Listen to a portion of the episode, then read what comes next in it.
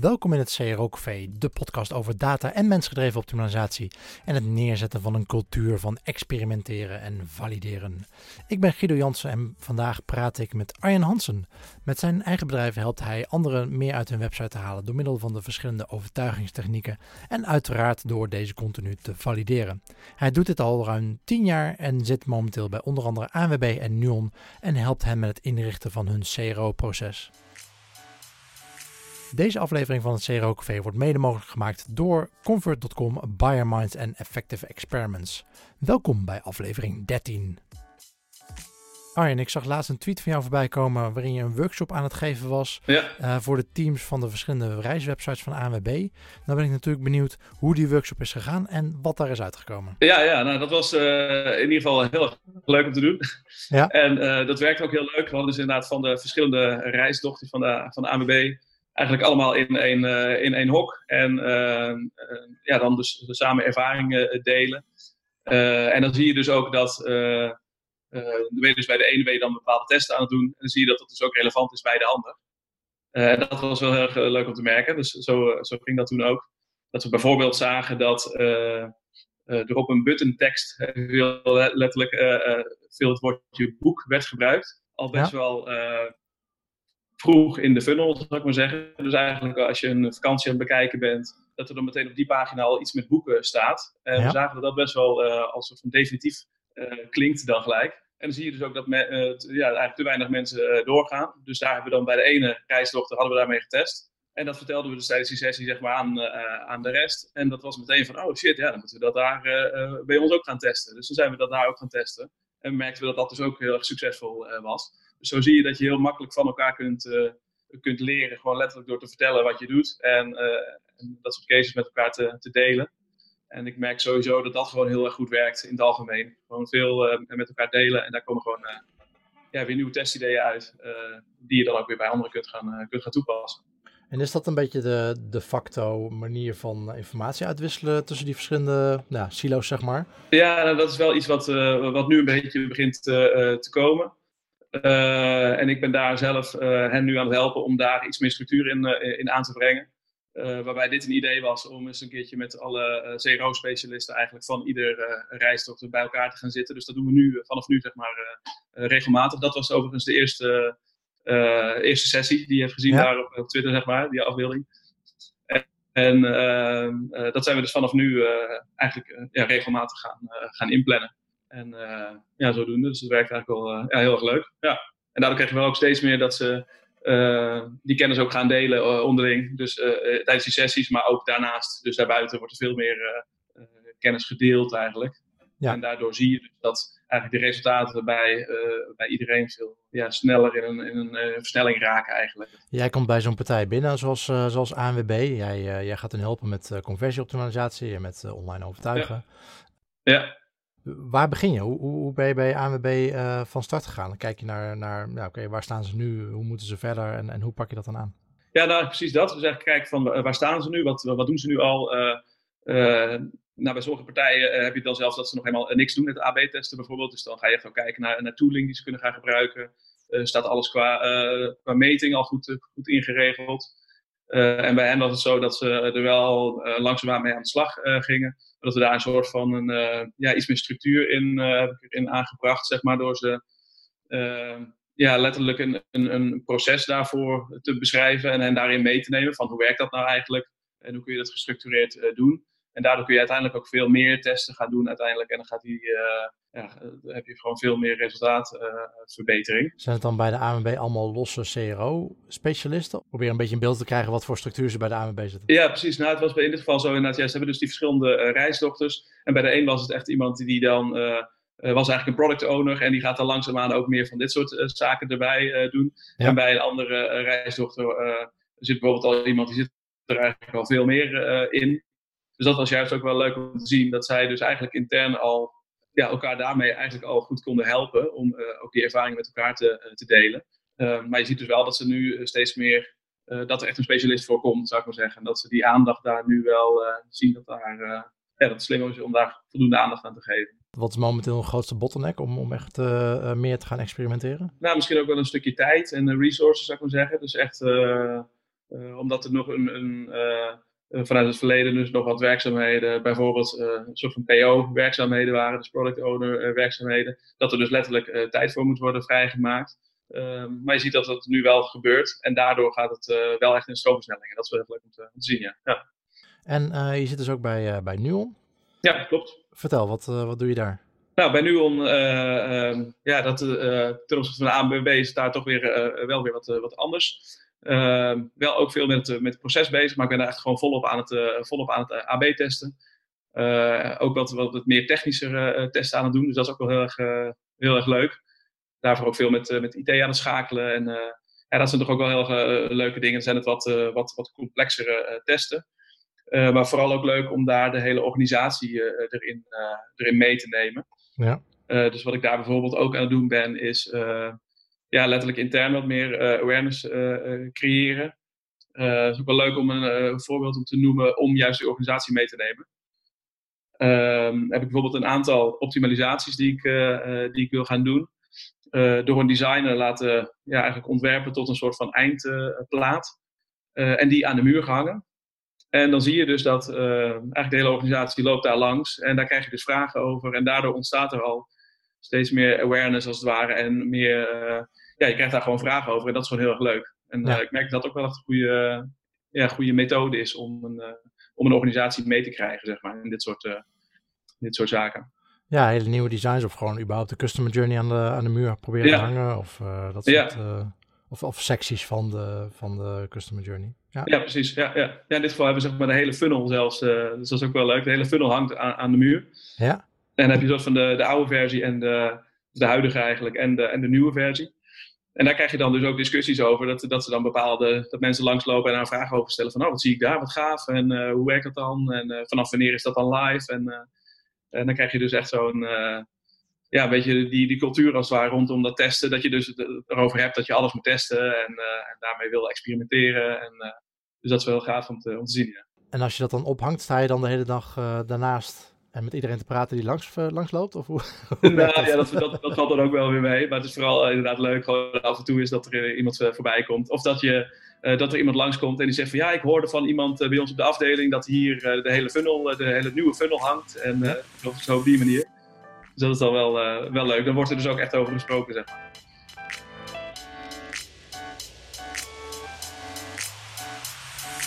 Heb jij interesse in geavanceerde optimalisatietips?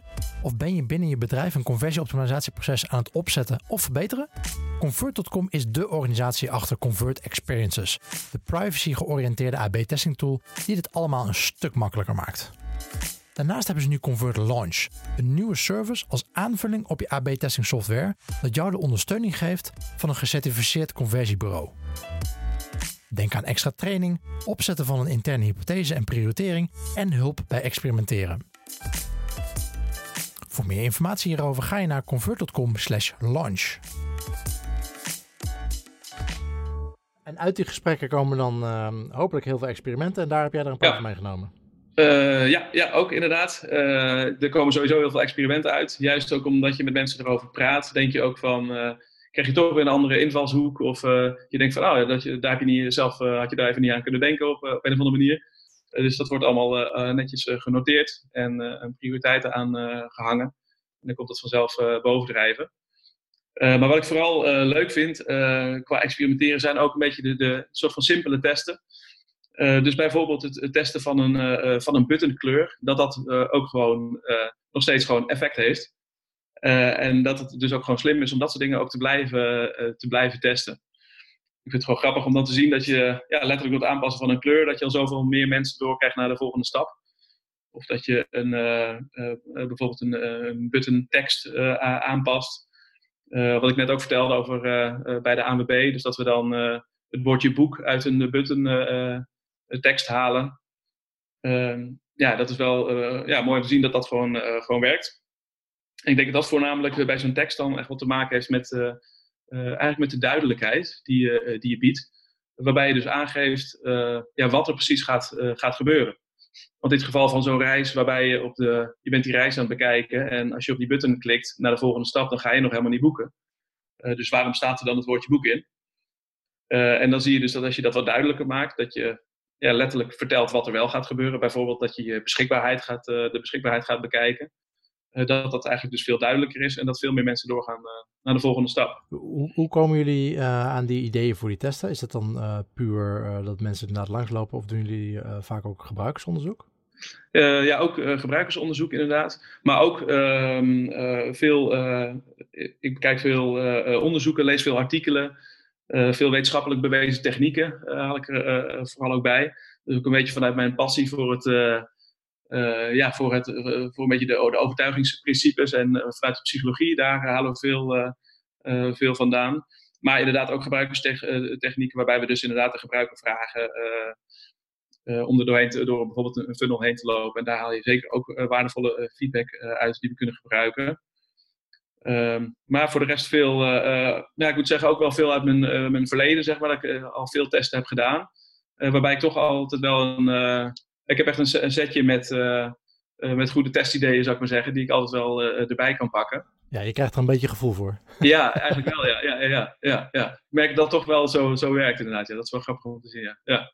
Ja, en ook bij, bij knoppen, kijk, heel vaak haalt het ook niks uit natuurlijk. Uh, nee, daar moet je het ook, uh, ook valideren. Ja, maar het gaat ook gewoon vaak fout natuurlijk. Dat, dat een knop, nou als de huisstijl, ik noem maar wat, als de huisstijl blauw of groen is, dat, als die knop dan ook blauw of groen is, dan springt hij er gewoon niet uit. Nee, precies. En dat dat zie je heel vaak gebeuren. Ja, en dan gaat het niet zozeer om de knop van, van sorry, dan gaat het niet zozeer om de kleur van de knop. Um, maar meer om het contrast met de omgeving. Of dat wat je tegenwoordig natuurlijk ook heel vaak ziet, zijn um, uh, van die ghost buttons. Ja, ja precies. Um, ja. Nou, dan, dan, zie je in gebruikersonderzoek dat mensen er gewoon überhaupt overheen lezen. Dat ze, ja, knop, ja. dat ze de knop niet zien, want die springt er helemaal niet uit. Nee, nee precies. Nee, nee. Uh, ja, dan wordt het in, ja, ja, voor ons, voor ons vak, uh, vakidioten misschien niet zo boeiend om een knoptest uh, te, te doen. Nee.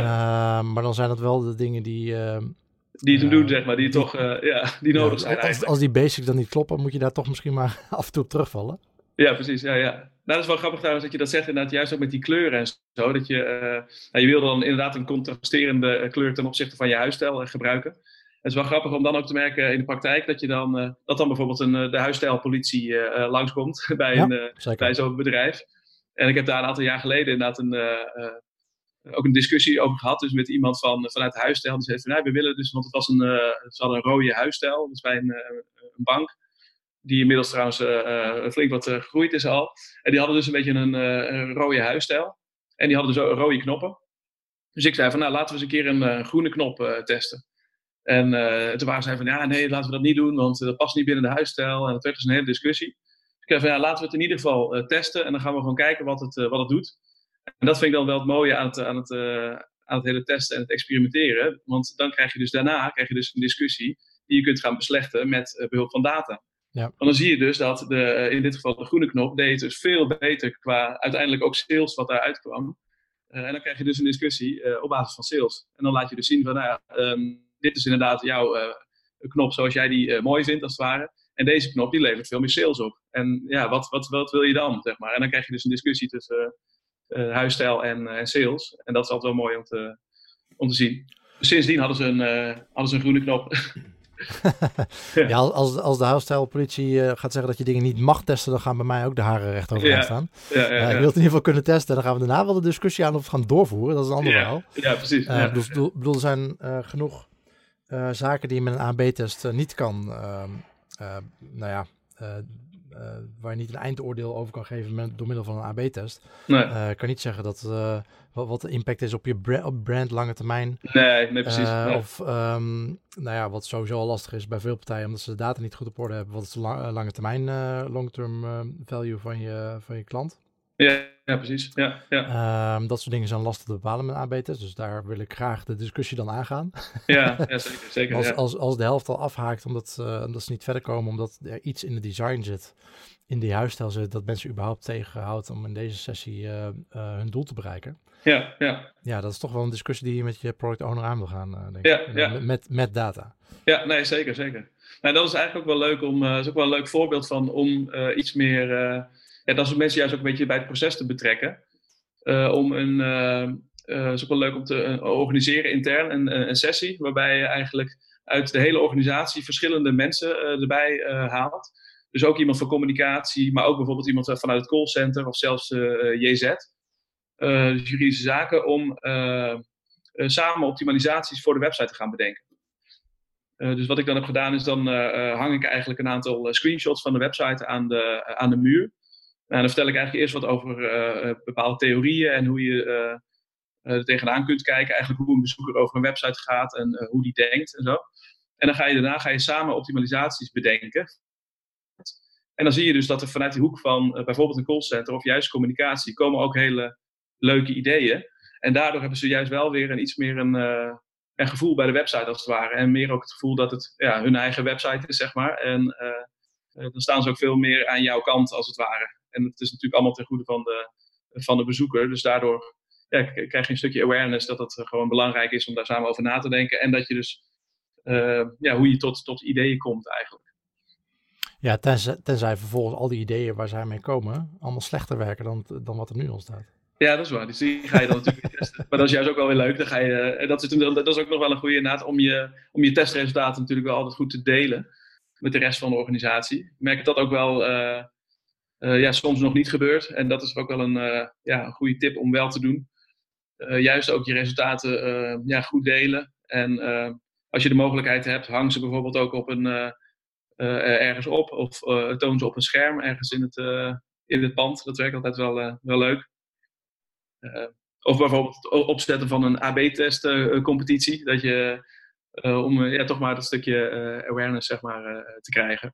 Dat is altijd een lastig om mensen mee te krijgen. Omdat de meeste experimenten die je runt over het algemeen meer dan de helft uh, die doet niets of uh, die doet, een, uh, doet iets de verkeerde kant op. Ja, ja, ja, ja, ja precies. um, dus qua motivatie is dat natuurlijk altijd lastig om, om mensen mee te krijgen. Zeker in het begin. Ja, als ze nog niet die mindset hebben van oké, okay, ja, 1 op de 10 test is een succes, dus we moeten er gewoon heel veel bedenken. Ja, precies. En het niet altijd persoonlijk gaan opvatten dat het als een test geen succes is. Nee, nee.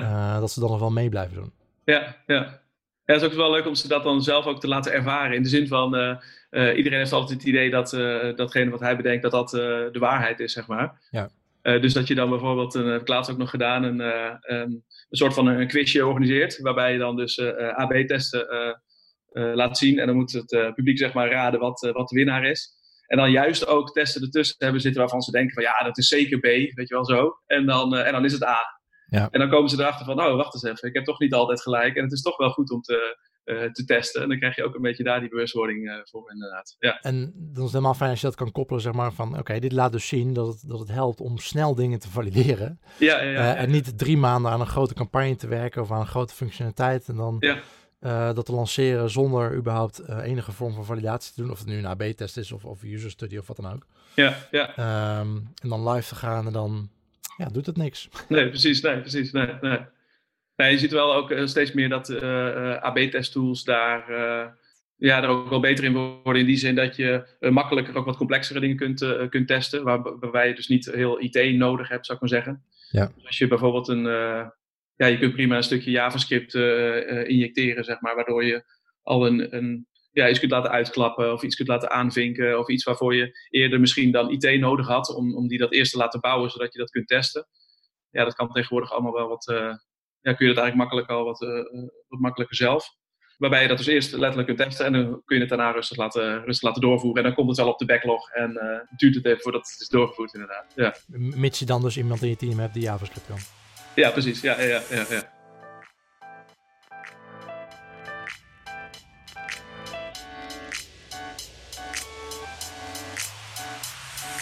Wil je nou echt stappen maken met je online resultaat?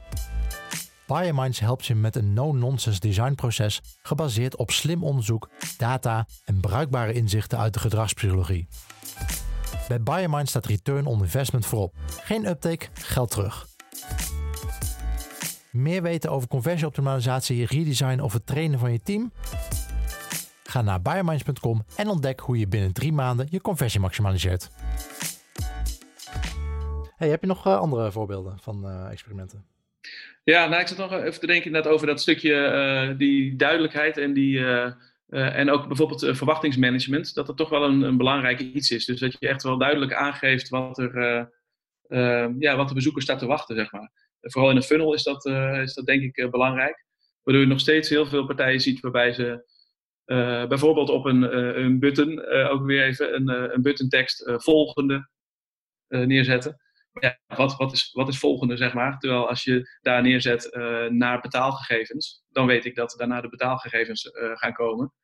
Ik zie dat daar toch nog ook wel wat vaak verbetering in, in aan te brengen is. Of dat je een, zinnetje toevoegt wat aangeeft wat er gaat, gaat gebeuren. Of dat in de, in de navigatie op de juiste manier inregelt. Ehm, maar ook eigenlijk een ja, wat meer productinhoudelijke zaak. Ik zag bijvoorbeeld een, bij een, een uitvaartverzekering. Ik heb voor een grote uitvaartverzekeraar ehm, ja, hun ook mogen helpen met een conversie. En daar zagen we bijvoorbeeld dat het, ehm, als je een uitvaartverzekering afsluit, dan kun je dat eigenlijk tijdens de hele looptijd kun je daar nog wijzigingen in aanbrengen. want ja, goed, je, je bent nog niet dood, zou ik maar zeggen. Dus over een tijdje heb je hem pas, pas nodig, als het ware. Dus daar wil je je hele leven nog wijzigingen in aanbrengen. En dat kan dus ook. Alleen dat werd eigenlijk helemaal niet goed duidelijk gemaakt. Dus dan hebben we gewoon heel simpel een zinnetje toegevoegd met u kunt uw verzekering na het afsluiten altijd nog wijzigen. En dat zorgde dus echt voor een, uh, voor een flinke stijging in, in conversie. En in doorklikken en uiteindelijke conversies. En ik denk dat dat ook wel een belangrijk is om dat, ja, om dat mee te nemen. Kruip echt in de huid van de, van de bezoeker. En ja, probeer eigenlijk daar te, te gaan kijken van, uh, ja, wat, wat, denkt zo iemand nou in, een, uh, in het hele proces? En, uh, en ja, probeer daar antwoord op te geven om daarin te, ja, drempels weg te halen, twijfels weg te nemen. Ik denk dat dat wel een belangrijk, een belangrijk iets is. Ja, onduidelijkheid wegnemen. Ja, ja. Daar hadden we een tijdje geleden met Martin van Kranenburg in de podcast ook over. Ja. Een belangrijk onderdeel ja, waar mensen op afhaken vaak. Dat ze gewoon iets, iets niet snappen. Nou, ik ben er sowieso achter gekomen. Inderdaad, ik heb over de ja, afgelopen jaren heb ik eigenlijk uh, uh, bekeken van uh, welke succesvolle optimalisaties heb ik allemaal gedaan. En in welke hoek zit hem dat dan een beetje. Toen ben ik eigenlijk op een aantal gebieden gekomen. Ja, wat een beetje de soort van thema's als het ware. Ja. Ben ik eigenlijk op, op drie thema's gekomen die ik heb ja, ontdekt daarin. Dat zijn, en dat is dus eentje daarvan is duidelijkheid. En er vallen dus heel veel optimalisaties die ik heb gedaan. Dus succesvolle optimalisaties. Die vallen onder het kopje duidelijkheid. Uh, en ik denk dat je daarnaast heb je ook nog gebruiksvriendelijkheid. en een stukje verleiding. Ja. En dat zijn eigenlijk een beetje de drie gebieden waarin ja, de meeste succesvolle optima optimalisaties wel, wel te scharen zijn, zeg maar. Ja. En dan heb je dus, ja, we hebben het nu over duidelijkheid gehad. Ik denk dat dat wel een hele belangrijke is, inderdaad. Maar zo is gebruiksvriendelijkheid, waarbij je dus eigenlijk de, ervoor wil zorgen dat de bezoeker niet na hoeft te denken. En dat je zijn aandacht eigenlijk in de juiste richting uh, stuurt. Ik denk dat dat ook een hele uh, ja, belangrijke hoek is, zeg maar, waarin je optimalisaties kunt, kunt bedenken. Heb je daar een experiment als voorbeeld voor? Ja, zeker. Ik heb heel veel experimenten mee gedaan. met, met kijkrichting bijvoorbeeld. Dus kijkrichting van de, van de bezoeker sturen. met, met afbeeldingen. En je ziet gewoon echt dat dat werkt. En hoe, hoe doe je dat dan? Doe je dat dan met mensen die ergens naar kijken of met pijltjes? Ja, of, uh... ja eigenlijk uh, nou, allebei. Um, en, maar ook bijvoorbeeld een, een auto die met zijn neus een bepaalde kant op staat. Ja. dat, soort echt, dat zijn ook vaak kleine dingetjes, maar het werkt toch wel echt heel erg, heel erg goed. En je, werkt, je merkt gewoon dat dat gewoon, het geeft gewoon een significant beter resultaat als je een, ja, in die test dan in ieder geval, een auto naar een, bepaalde, naar een bepaalde kant laat kijken. En je ziet dus gewoon dat dat ook echt, eh, eh, dat dat ook echt werkt. Ja. Uh, en inderdaad ook uh, pijltjes. Dus het hoeven niet altijd alleen maar mensen te zijn, bijvoorbeeld, die ergens naar kijken. Maar ook een, een pijltje of een, een bepaalde vorm, wat een beetje een soort van driehoek naar beneden lijkt, zorgt ervoor dat meer mensen naar beneden gaan, gaan kijken. Of het idee hebben dat daar nog iets staat, waardoor ze eerder gaan, gaan scrollen. En dat soort zaken zorgen er eigenlijk voor dat je ja, ook een beetje de, de, de, het, uh, ja, de aandachtspannen van, uh, van de bezoeker niet zo belast met uh, dat hij zelf hoeft na te denken waar die moet, waar die moet zijn eigenlijk. Dat het daar voornamelijk in, in zit. Ja. Nou ja, iets kan dus onduidelijk zijn, iets kan dus niet ja. gebruiksvriendelijk zijn, ja. de, de verleiding kan ontbreken. Ja. Um, over het algemeen, hoe bepaal je nu waar je begint, zeg maar? kijk, bij, als je bij een nieuwe, nieuwe website komt kijken, en ja. uh, daar een soort van analyse in doet van oké, okay, uh, wat kan hier allemaal beter? Dan kom je al, al deze dingen tegen. Ja. Uh, dus wat, wat komt er bovenaan jouw prioriteitslijst te staan? Nou, ik denk dat dat stukje uh, duidelijkheid, dat dat wel iets is waar vaak niet bij stil wordt gestaan. Dus dat is over het algemeen hetgene waar ik als eerste naar kijk, of in ieder geval het eerste benoem. waarbij je dus af en toe op een, op een pagina komt en dan vraag ik bijvoorbeeld van, is het nou duidelijk waar deze pagina over gaat? Ja.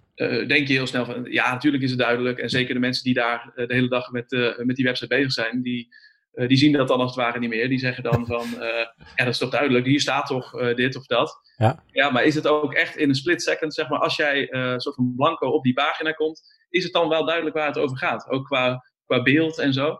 En dan, dan pakken we er een aantal zaken uit en dan, ja, dan valt een beetje het kwartje dat ze denken, oh ja, als je het zo bekijkt, als je echt als een soort van blanco bezoeker erin komt, ja, dan is het eigenlijk helemaal niet zo duidelijk. Dus dan, Nee. dan ondersteunt het beeld ook eigenlijk te, te weinig met onze boodschap. En dan is dat dus vaak eh, eh, iets wat we als eerste gaan, eh, gaan aanpakken. Ja, en dat is typisch iets waar je wel de gebruiker voor moet vragen. Hè? Ik bedoel, dat is niet duidelijkheid, dat is niet iets wat, wat je uit Google Analytics haalt, zeg maar. Nee, nee, precies. Nee, precies. Nee, nee inderdaad. Dat klopt. Ja, en het is denk ik ook, het werkt ook goed als je ja, gewoon letterlijk iemand van buitenaf als het ware ernaar laat kijken. Ja. En ik merk dat ik daar ook wel goed het verschil in kan maken. Dus dat ik, ja, ik kom dan natuurlijk in eerste instantie nog als, eh, ja, echt als van buitenaf. Dus als soort van, ja, blanco bezoeker kom ik dan binnen. Dus op die manier kan ik eh, bedrijven daar ook wel goed eh, ja, mee helpen door ze dit soort vragen te, te stellen. Ja. Ja, de eerste paar weken kun je jezelf nog als de naïeve gebruiker ja, ja, ja, stempelen. ja. ja zeker. Jezelf zeker. daarvoor gebruiken. Ja, precies. gaat na een paar weken ook weg natuurlijk. Ja, ja, ja. Ja. Ja, ja. in ieder geval, dat, ja, en dat stukje verleiding is natuurlijk wel ook een, ja, iets wat ik gewoon ook heel erg, eh, heel erg eh, gaaf vind. Van hoe kun je nou iemand eh, ja, toch verleiden om, om, om naar de volgende stap door te gaan. En dan komen er ook verschillende verleidingstechnieken bij kijken en overtuigings- en beïnvloedingsprincipes. Ja. Zoals bijvoorbeeld van een, van een, een Cialdini, die kennen we natuurlijk allemaal. Ja, dat komt er denk ik ook vandaan. Dat zijn gewoon hele krachtige principes die gewoon op, op, ja, op veel mensen werken. Wil jij ook een cultuur van experimenteren en klantgedreven beslissingen opzetten in jouw bedrijf? Dit is niet iets wat vanzelf gebeurt. Het begint met het neerzetten van een betrouwbaar proces waarmee je experimenten in de gaten kan houden, kennis kan delen en waarmee je iedereen binnen je bedrijf op de hoogte kan houden van de voortgang en de resultaten. Effective Experiments is het CRO-succesplatform waarin je al je gebruikersonderzoek, experimenten en rapporten kan vastleggen op één centrale plek. Start vandaag nog met het bouwen aan jouw optimalisatiecultuur met Effective Experiments. Een demo aanvragen doe je via www.effectiveexperiments.com. Ja, Cialdini heeft, ehm ehm, dat is het inmiddels twee, drie jaar geleden, dus een, een nieuwe boek eh, uitgebracht. Ja, ja klopt. Persuasion. Ja, Daarbij, ehm, nou sowieso ehm, komt hij met een nieuw zevende principe. Ja. Maar met Persuasion gaat het ook vooral om eigenlijk mensen klaarstomen om verleid te gaan worden. Daar heb je ook voorbeelden van. ja, klopt. Ja, want dat is ehm, ja, precies wat je zegt. Het is echt het, eh, ja, ervoor zorgen dat je iemand in een bepaalde mood krijgt, als het ware, om hem vervolgens te, eh, eh, te overtuigen eigenlijk. Dus eh, voordat je echt al je principes op hem loslaat, zeg maar, om hem alvast in de juiste mood te krijgen. Nou, je ziet dat dat dus bijvoorbeeld werkt op een, ja, op, op een, een website waar je bijvoorbeeld een, bij een automerk, waar je bezoekers een, een proefrit wil laten boeken. Als je daar een afbeelding toont van, ehm, van iemand die in een auto rijdt, of van een auto die rijdt door een heel eh, eh, mooi landschap, waardoor iemand echt in een bepaalde mood komt, eh, dan is die, die vraag naar wil je een proefrit boeken, wordt dan in één keer veel aannemelijker of veel relevanter als het ware. Omdat iemand echt in, die, in dat gevoel zit dat hij dat ook zou willen, zeg maar. En dan zorg je er eigenlijk voor dat de kans veel groter wordt dat iemand ook ja, echt een proefrit gaat boeken. Dus bij alle financiële dienstverleners moeten we gewoon naar mensen, foto's van mensen plaatsen die een boek aan het lenen zijn. Of die een, ehm, een boormachine van de buurman aan het lenen zijn. Het lenen van een flinke bak met geld. Dat is ineens heel normaal. ja, is het deze heel normaal. Ja, Dat soort dingen, ja. ja. Ja. Ja, ja, ja. Maar het is wel mooi te zien inderdaad, ja, dat, je, dat het dus ook zo werkt. Dus dat je echt wel iemand kunt, eh, ja, kunt klaarstomen, als het ware. Maar ook bijvoorbeeld het oproepen van, eh, eh, van positieve associaties werkt daarin ook heel erg goed. Eh, en dat blijkt dus ook uit onderzoek van eh, onder andere Cialdini, dat, eh, ja, dat mensen een positieve associatie hebben bij het zien van hun eigen naam of hun eigen woonplaats zelfs. En daarbij werkt het dus bijvoorbeeld ook goed om, om dat soort informatie ook terug te laten komen op een, op een website. Dus als jij, ja, of bijvoorbeeld jij vult jouw postcode en huisnummer in en dan toon ik een afbeelding van, jou, van je woning. Of ik toon überhaupt je adres, waardoor je dat gevoel hebt van, ja, dat is echt mijn, eh, dat is mijn huis. En dat geeft dus een, eh, ja, een positieve associatie. En daarmee gaan mensen dus ook toch sneller verder in je, in je funnel. Ja, een soort van, uh, soort van uh, personalisatie is dat natuurlijk. Ja, ja. en daarmee zorg je ervoor dat mensen ook, nou, bijvoorbeeld als je naam erop staat, dan voelt het al bijna alsof het wat van mij is. Ja, precies. Ja, ja. Ja, ja, ja, zeker. Ja, je merkt dus ook dat het gewoon echt zo, ja, ook echt zo werkt eigenlijk, ja. ja. Um, hoe doe je, doen jullie dat trouwens bij, bij jullie klanten? zijn die al ver met personalisatie? Zijn die er al mee bezig? Ja, ja, zeker. Dat is wel echt iets wat ja, steeds meer wordt, wordt gedaan eigenlijk. En um, uh, dat kan ook heel uh, ja, diep gaan, zou ik maar zeggen. Maar meestal begint het met, uh, nou bijvoorbeeld als je op een bepaalde pagina bent geweest. Even bijvoorbeeld in de, in de reisbranche. Je hebt een bepaalde reis bekeken. En je komt later weer een keer terug. En dan staat er op de homepage staat er, staat die reis weer voor je klaar. Als ingang om makkelijk weer daar naartoe terug te keren. Dat zijn bijvoorbeeld aanpassingen die je gemakkelijk kunt doen. Um, maar ook bijvoorbeeld heb, het onderscheid. Ik heb het vooral bij reizen die ik al gedaan heb. En dan kom ik weer bij die site. En ja, ja, dat is wel heel uh, irritant. nu uh, je, je hotel in, uh, in Milaan. Ja, daar ben ik net geweest. Ja, ik ben net terug. Ja, precies. Ja, ja. ja dat is dus de verkeerde uitwerking ervan inderdaad. Um, maar dat is wel heel succesvol hoor. Want als je dat, ja, niet op die manier dus, maar op de, op de, juiste, op de juiste manier. Dan zie je dat de conversie daarvan ook ja, hoger ligt. Maar ook bijvoorbeeld het onderscheid maken tussen klant en niet-klant. Dat is ook altijd zo'n zo'n dingetje.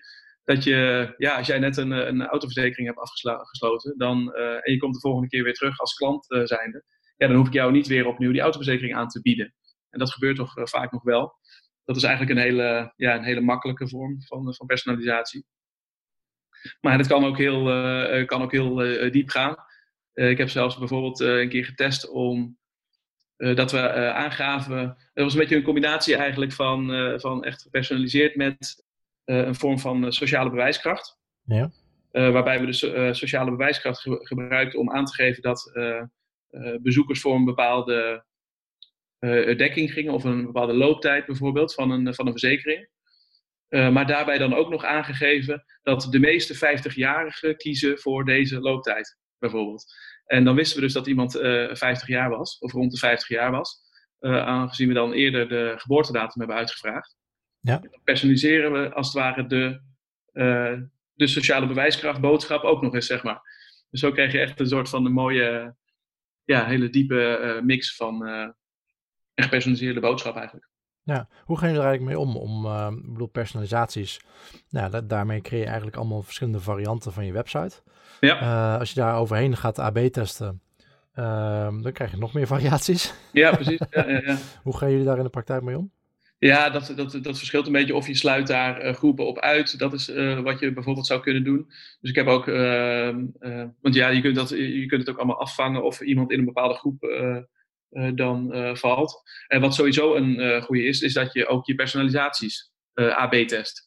Dus je wil er altijd voor zorgen dat je zeker weet dat een personalisatie ook werkt. Want dat is natuurlijk ook nog een, zoiets. Je denkt al heel snel van nou, we personaliseren uh, de website. Dus we passen het aan op jouw profiel. Um, maar dat hoeft natuurlijk niet te betekenen dat dat ook tot een beter resultaat leidt. Ja. Um, dus dat, dat moet je wel eigenlijk ook altijd doen. Dus er in ieder geval ook altijd voor zorgen dat je een controlegroep hebt, hebt meedraaien. Uh, die dus wel afvangt dat je in een bepaald bakje valt, maar die laat dan eigenlijk gewoon de originele website uh, zien.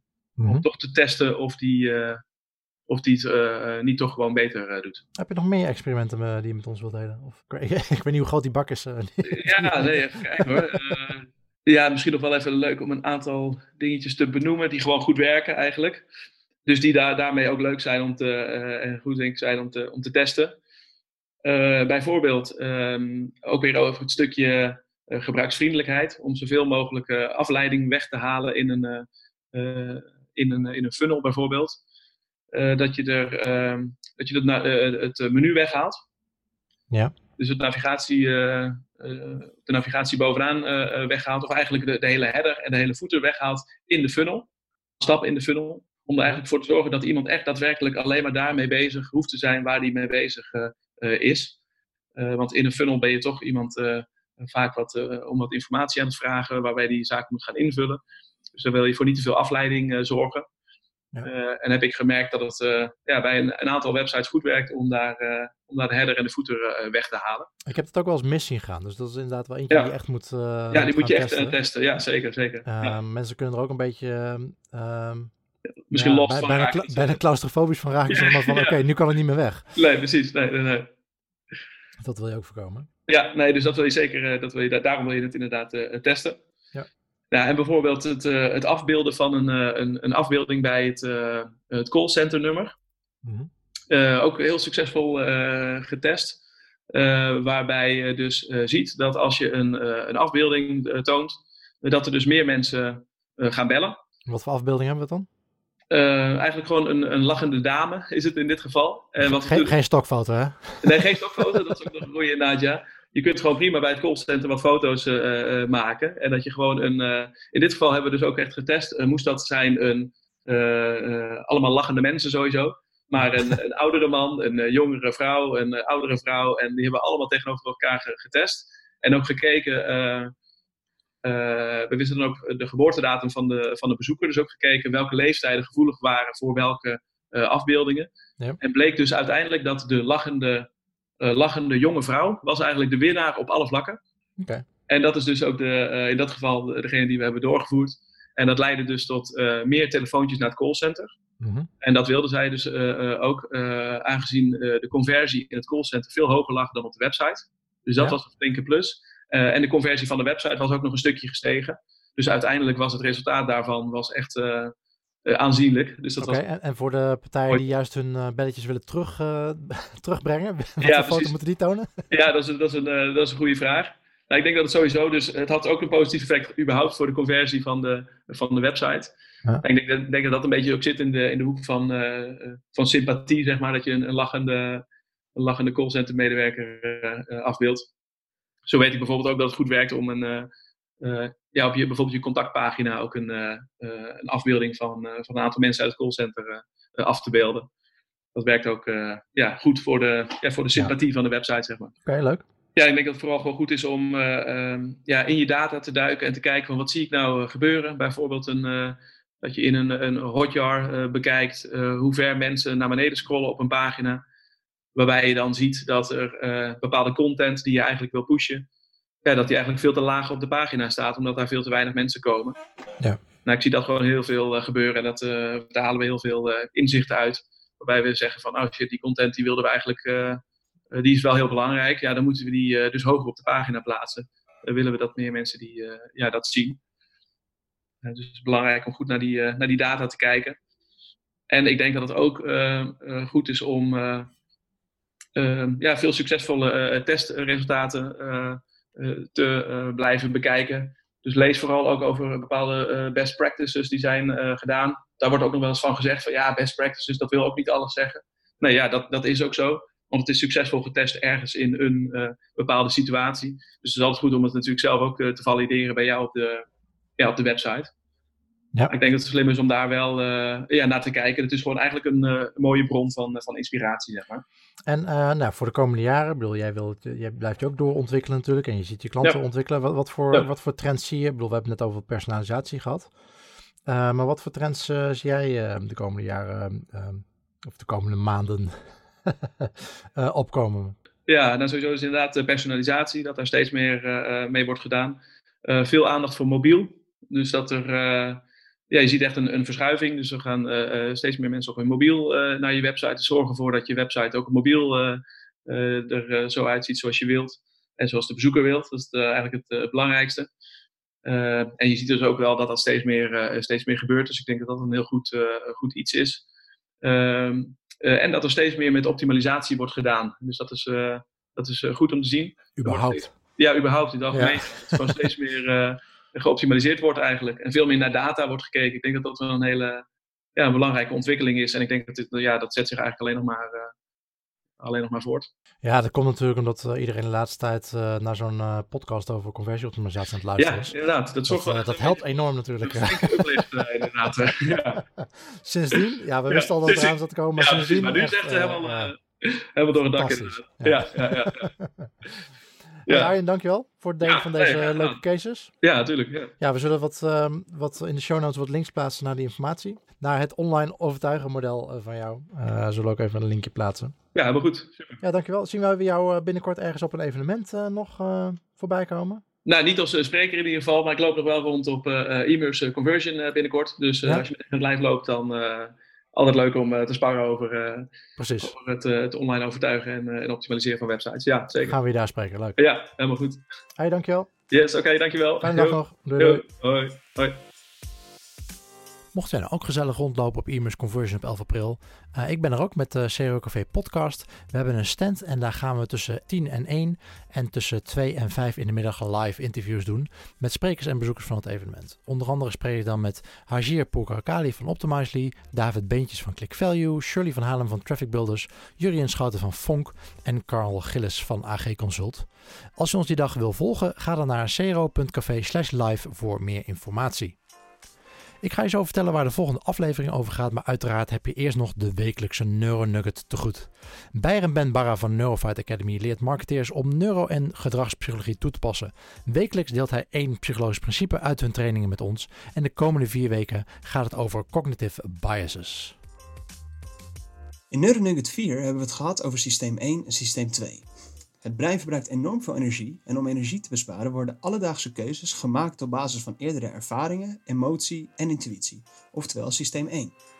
En bij moeilijke beslissingen komt het rationele analytische vermogen van systeem 2 kijken. Het probleem is echter dat systeem 2 veel trager is dan systeem 1. Intuïtie en emotie zijn er dus altijd eerder bij dan logisch nadenken.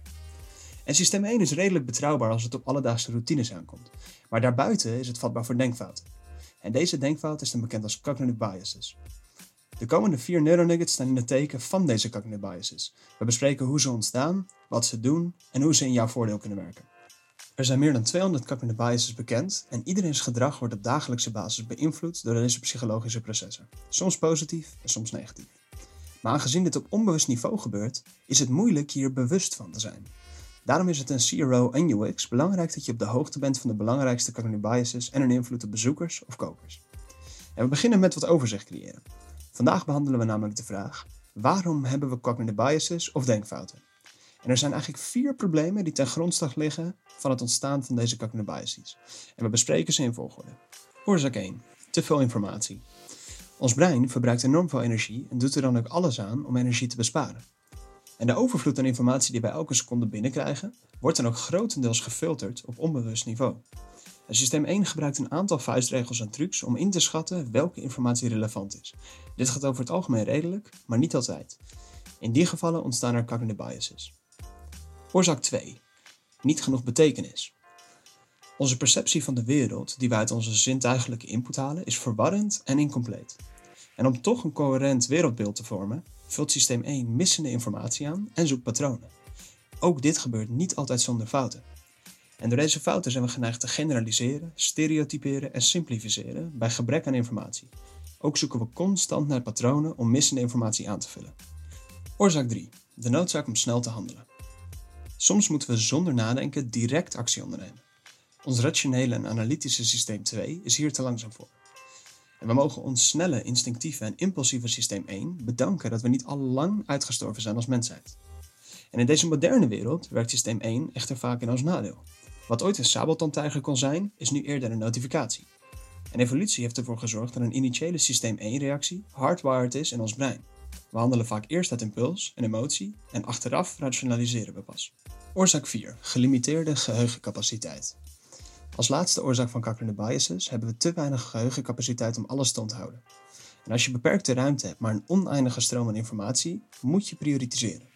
En hier gebruikt ons brein een aantal shortcuts voor om te beoordelen welke informatie de moeite waard is om te onthouden. Op basis van heuristieken of benaderingsalgoritmes selecteert ons brein welke informatie belangrijker is dan andere informatie. Ook worden de herinneringen die we opslaan vaak achteraf aangepast, verzwakt of versterkt zonder dat wij ons hier bewust van zijn. En dit kan allemaal leiden tot denkfouten of cognitive biases. Oké, dus deze vier fenomenen liggen ten grondslag aan het ontstaan van de cognitive biases.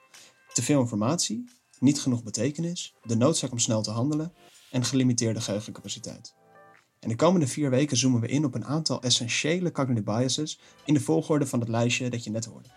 De focus zal hier op de praktische toepassing liggen. Dat was Bijrem van Neurofight Academy met de wekelijkse Neuronugget.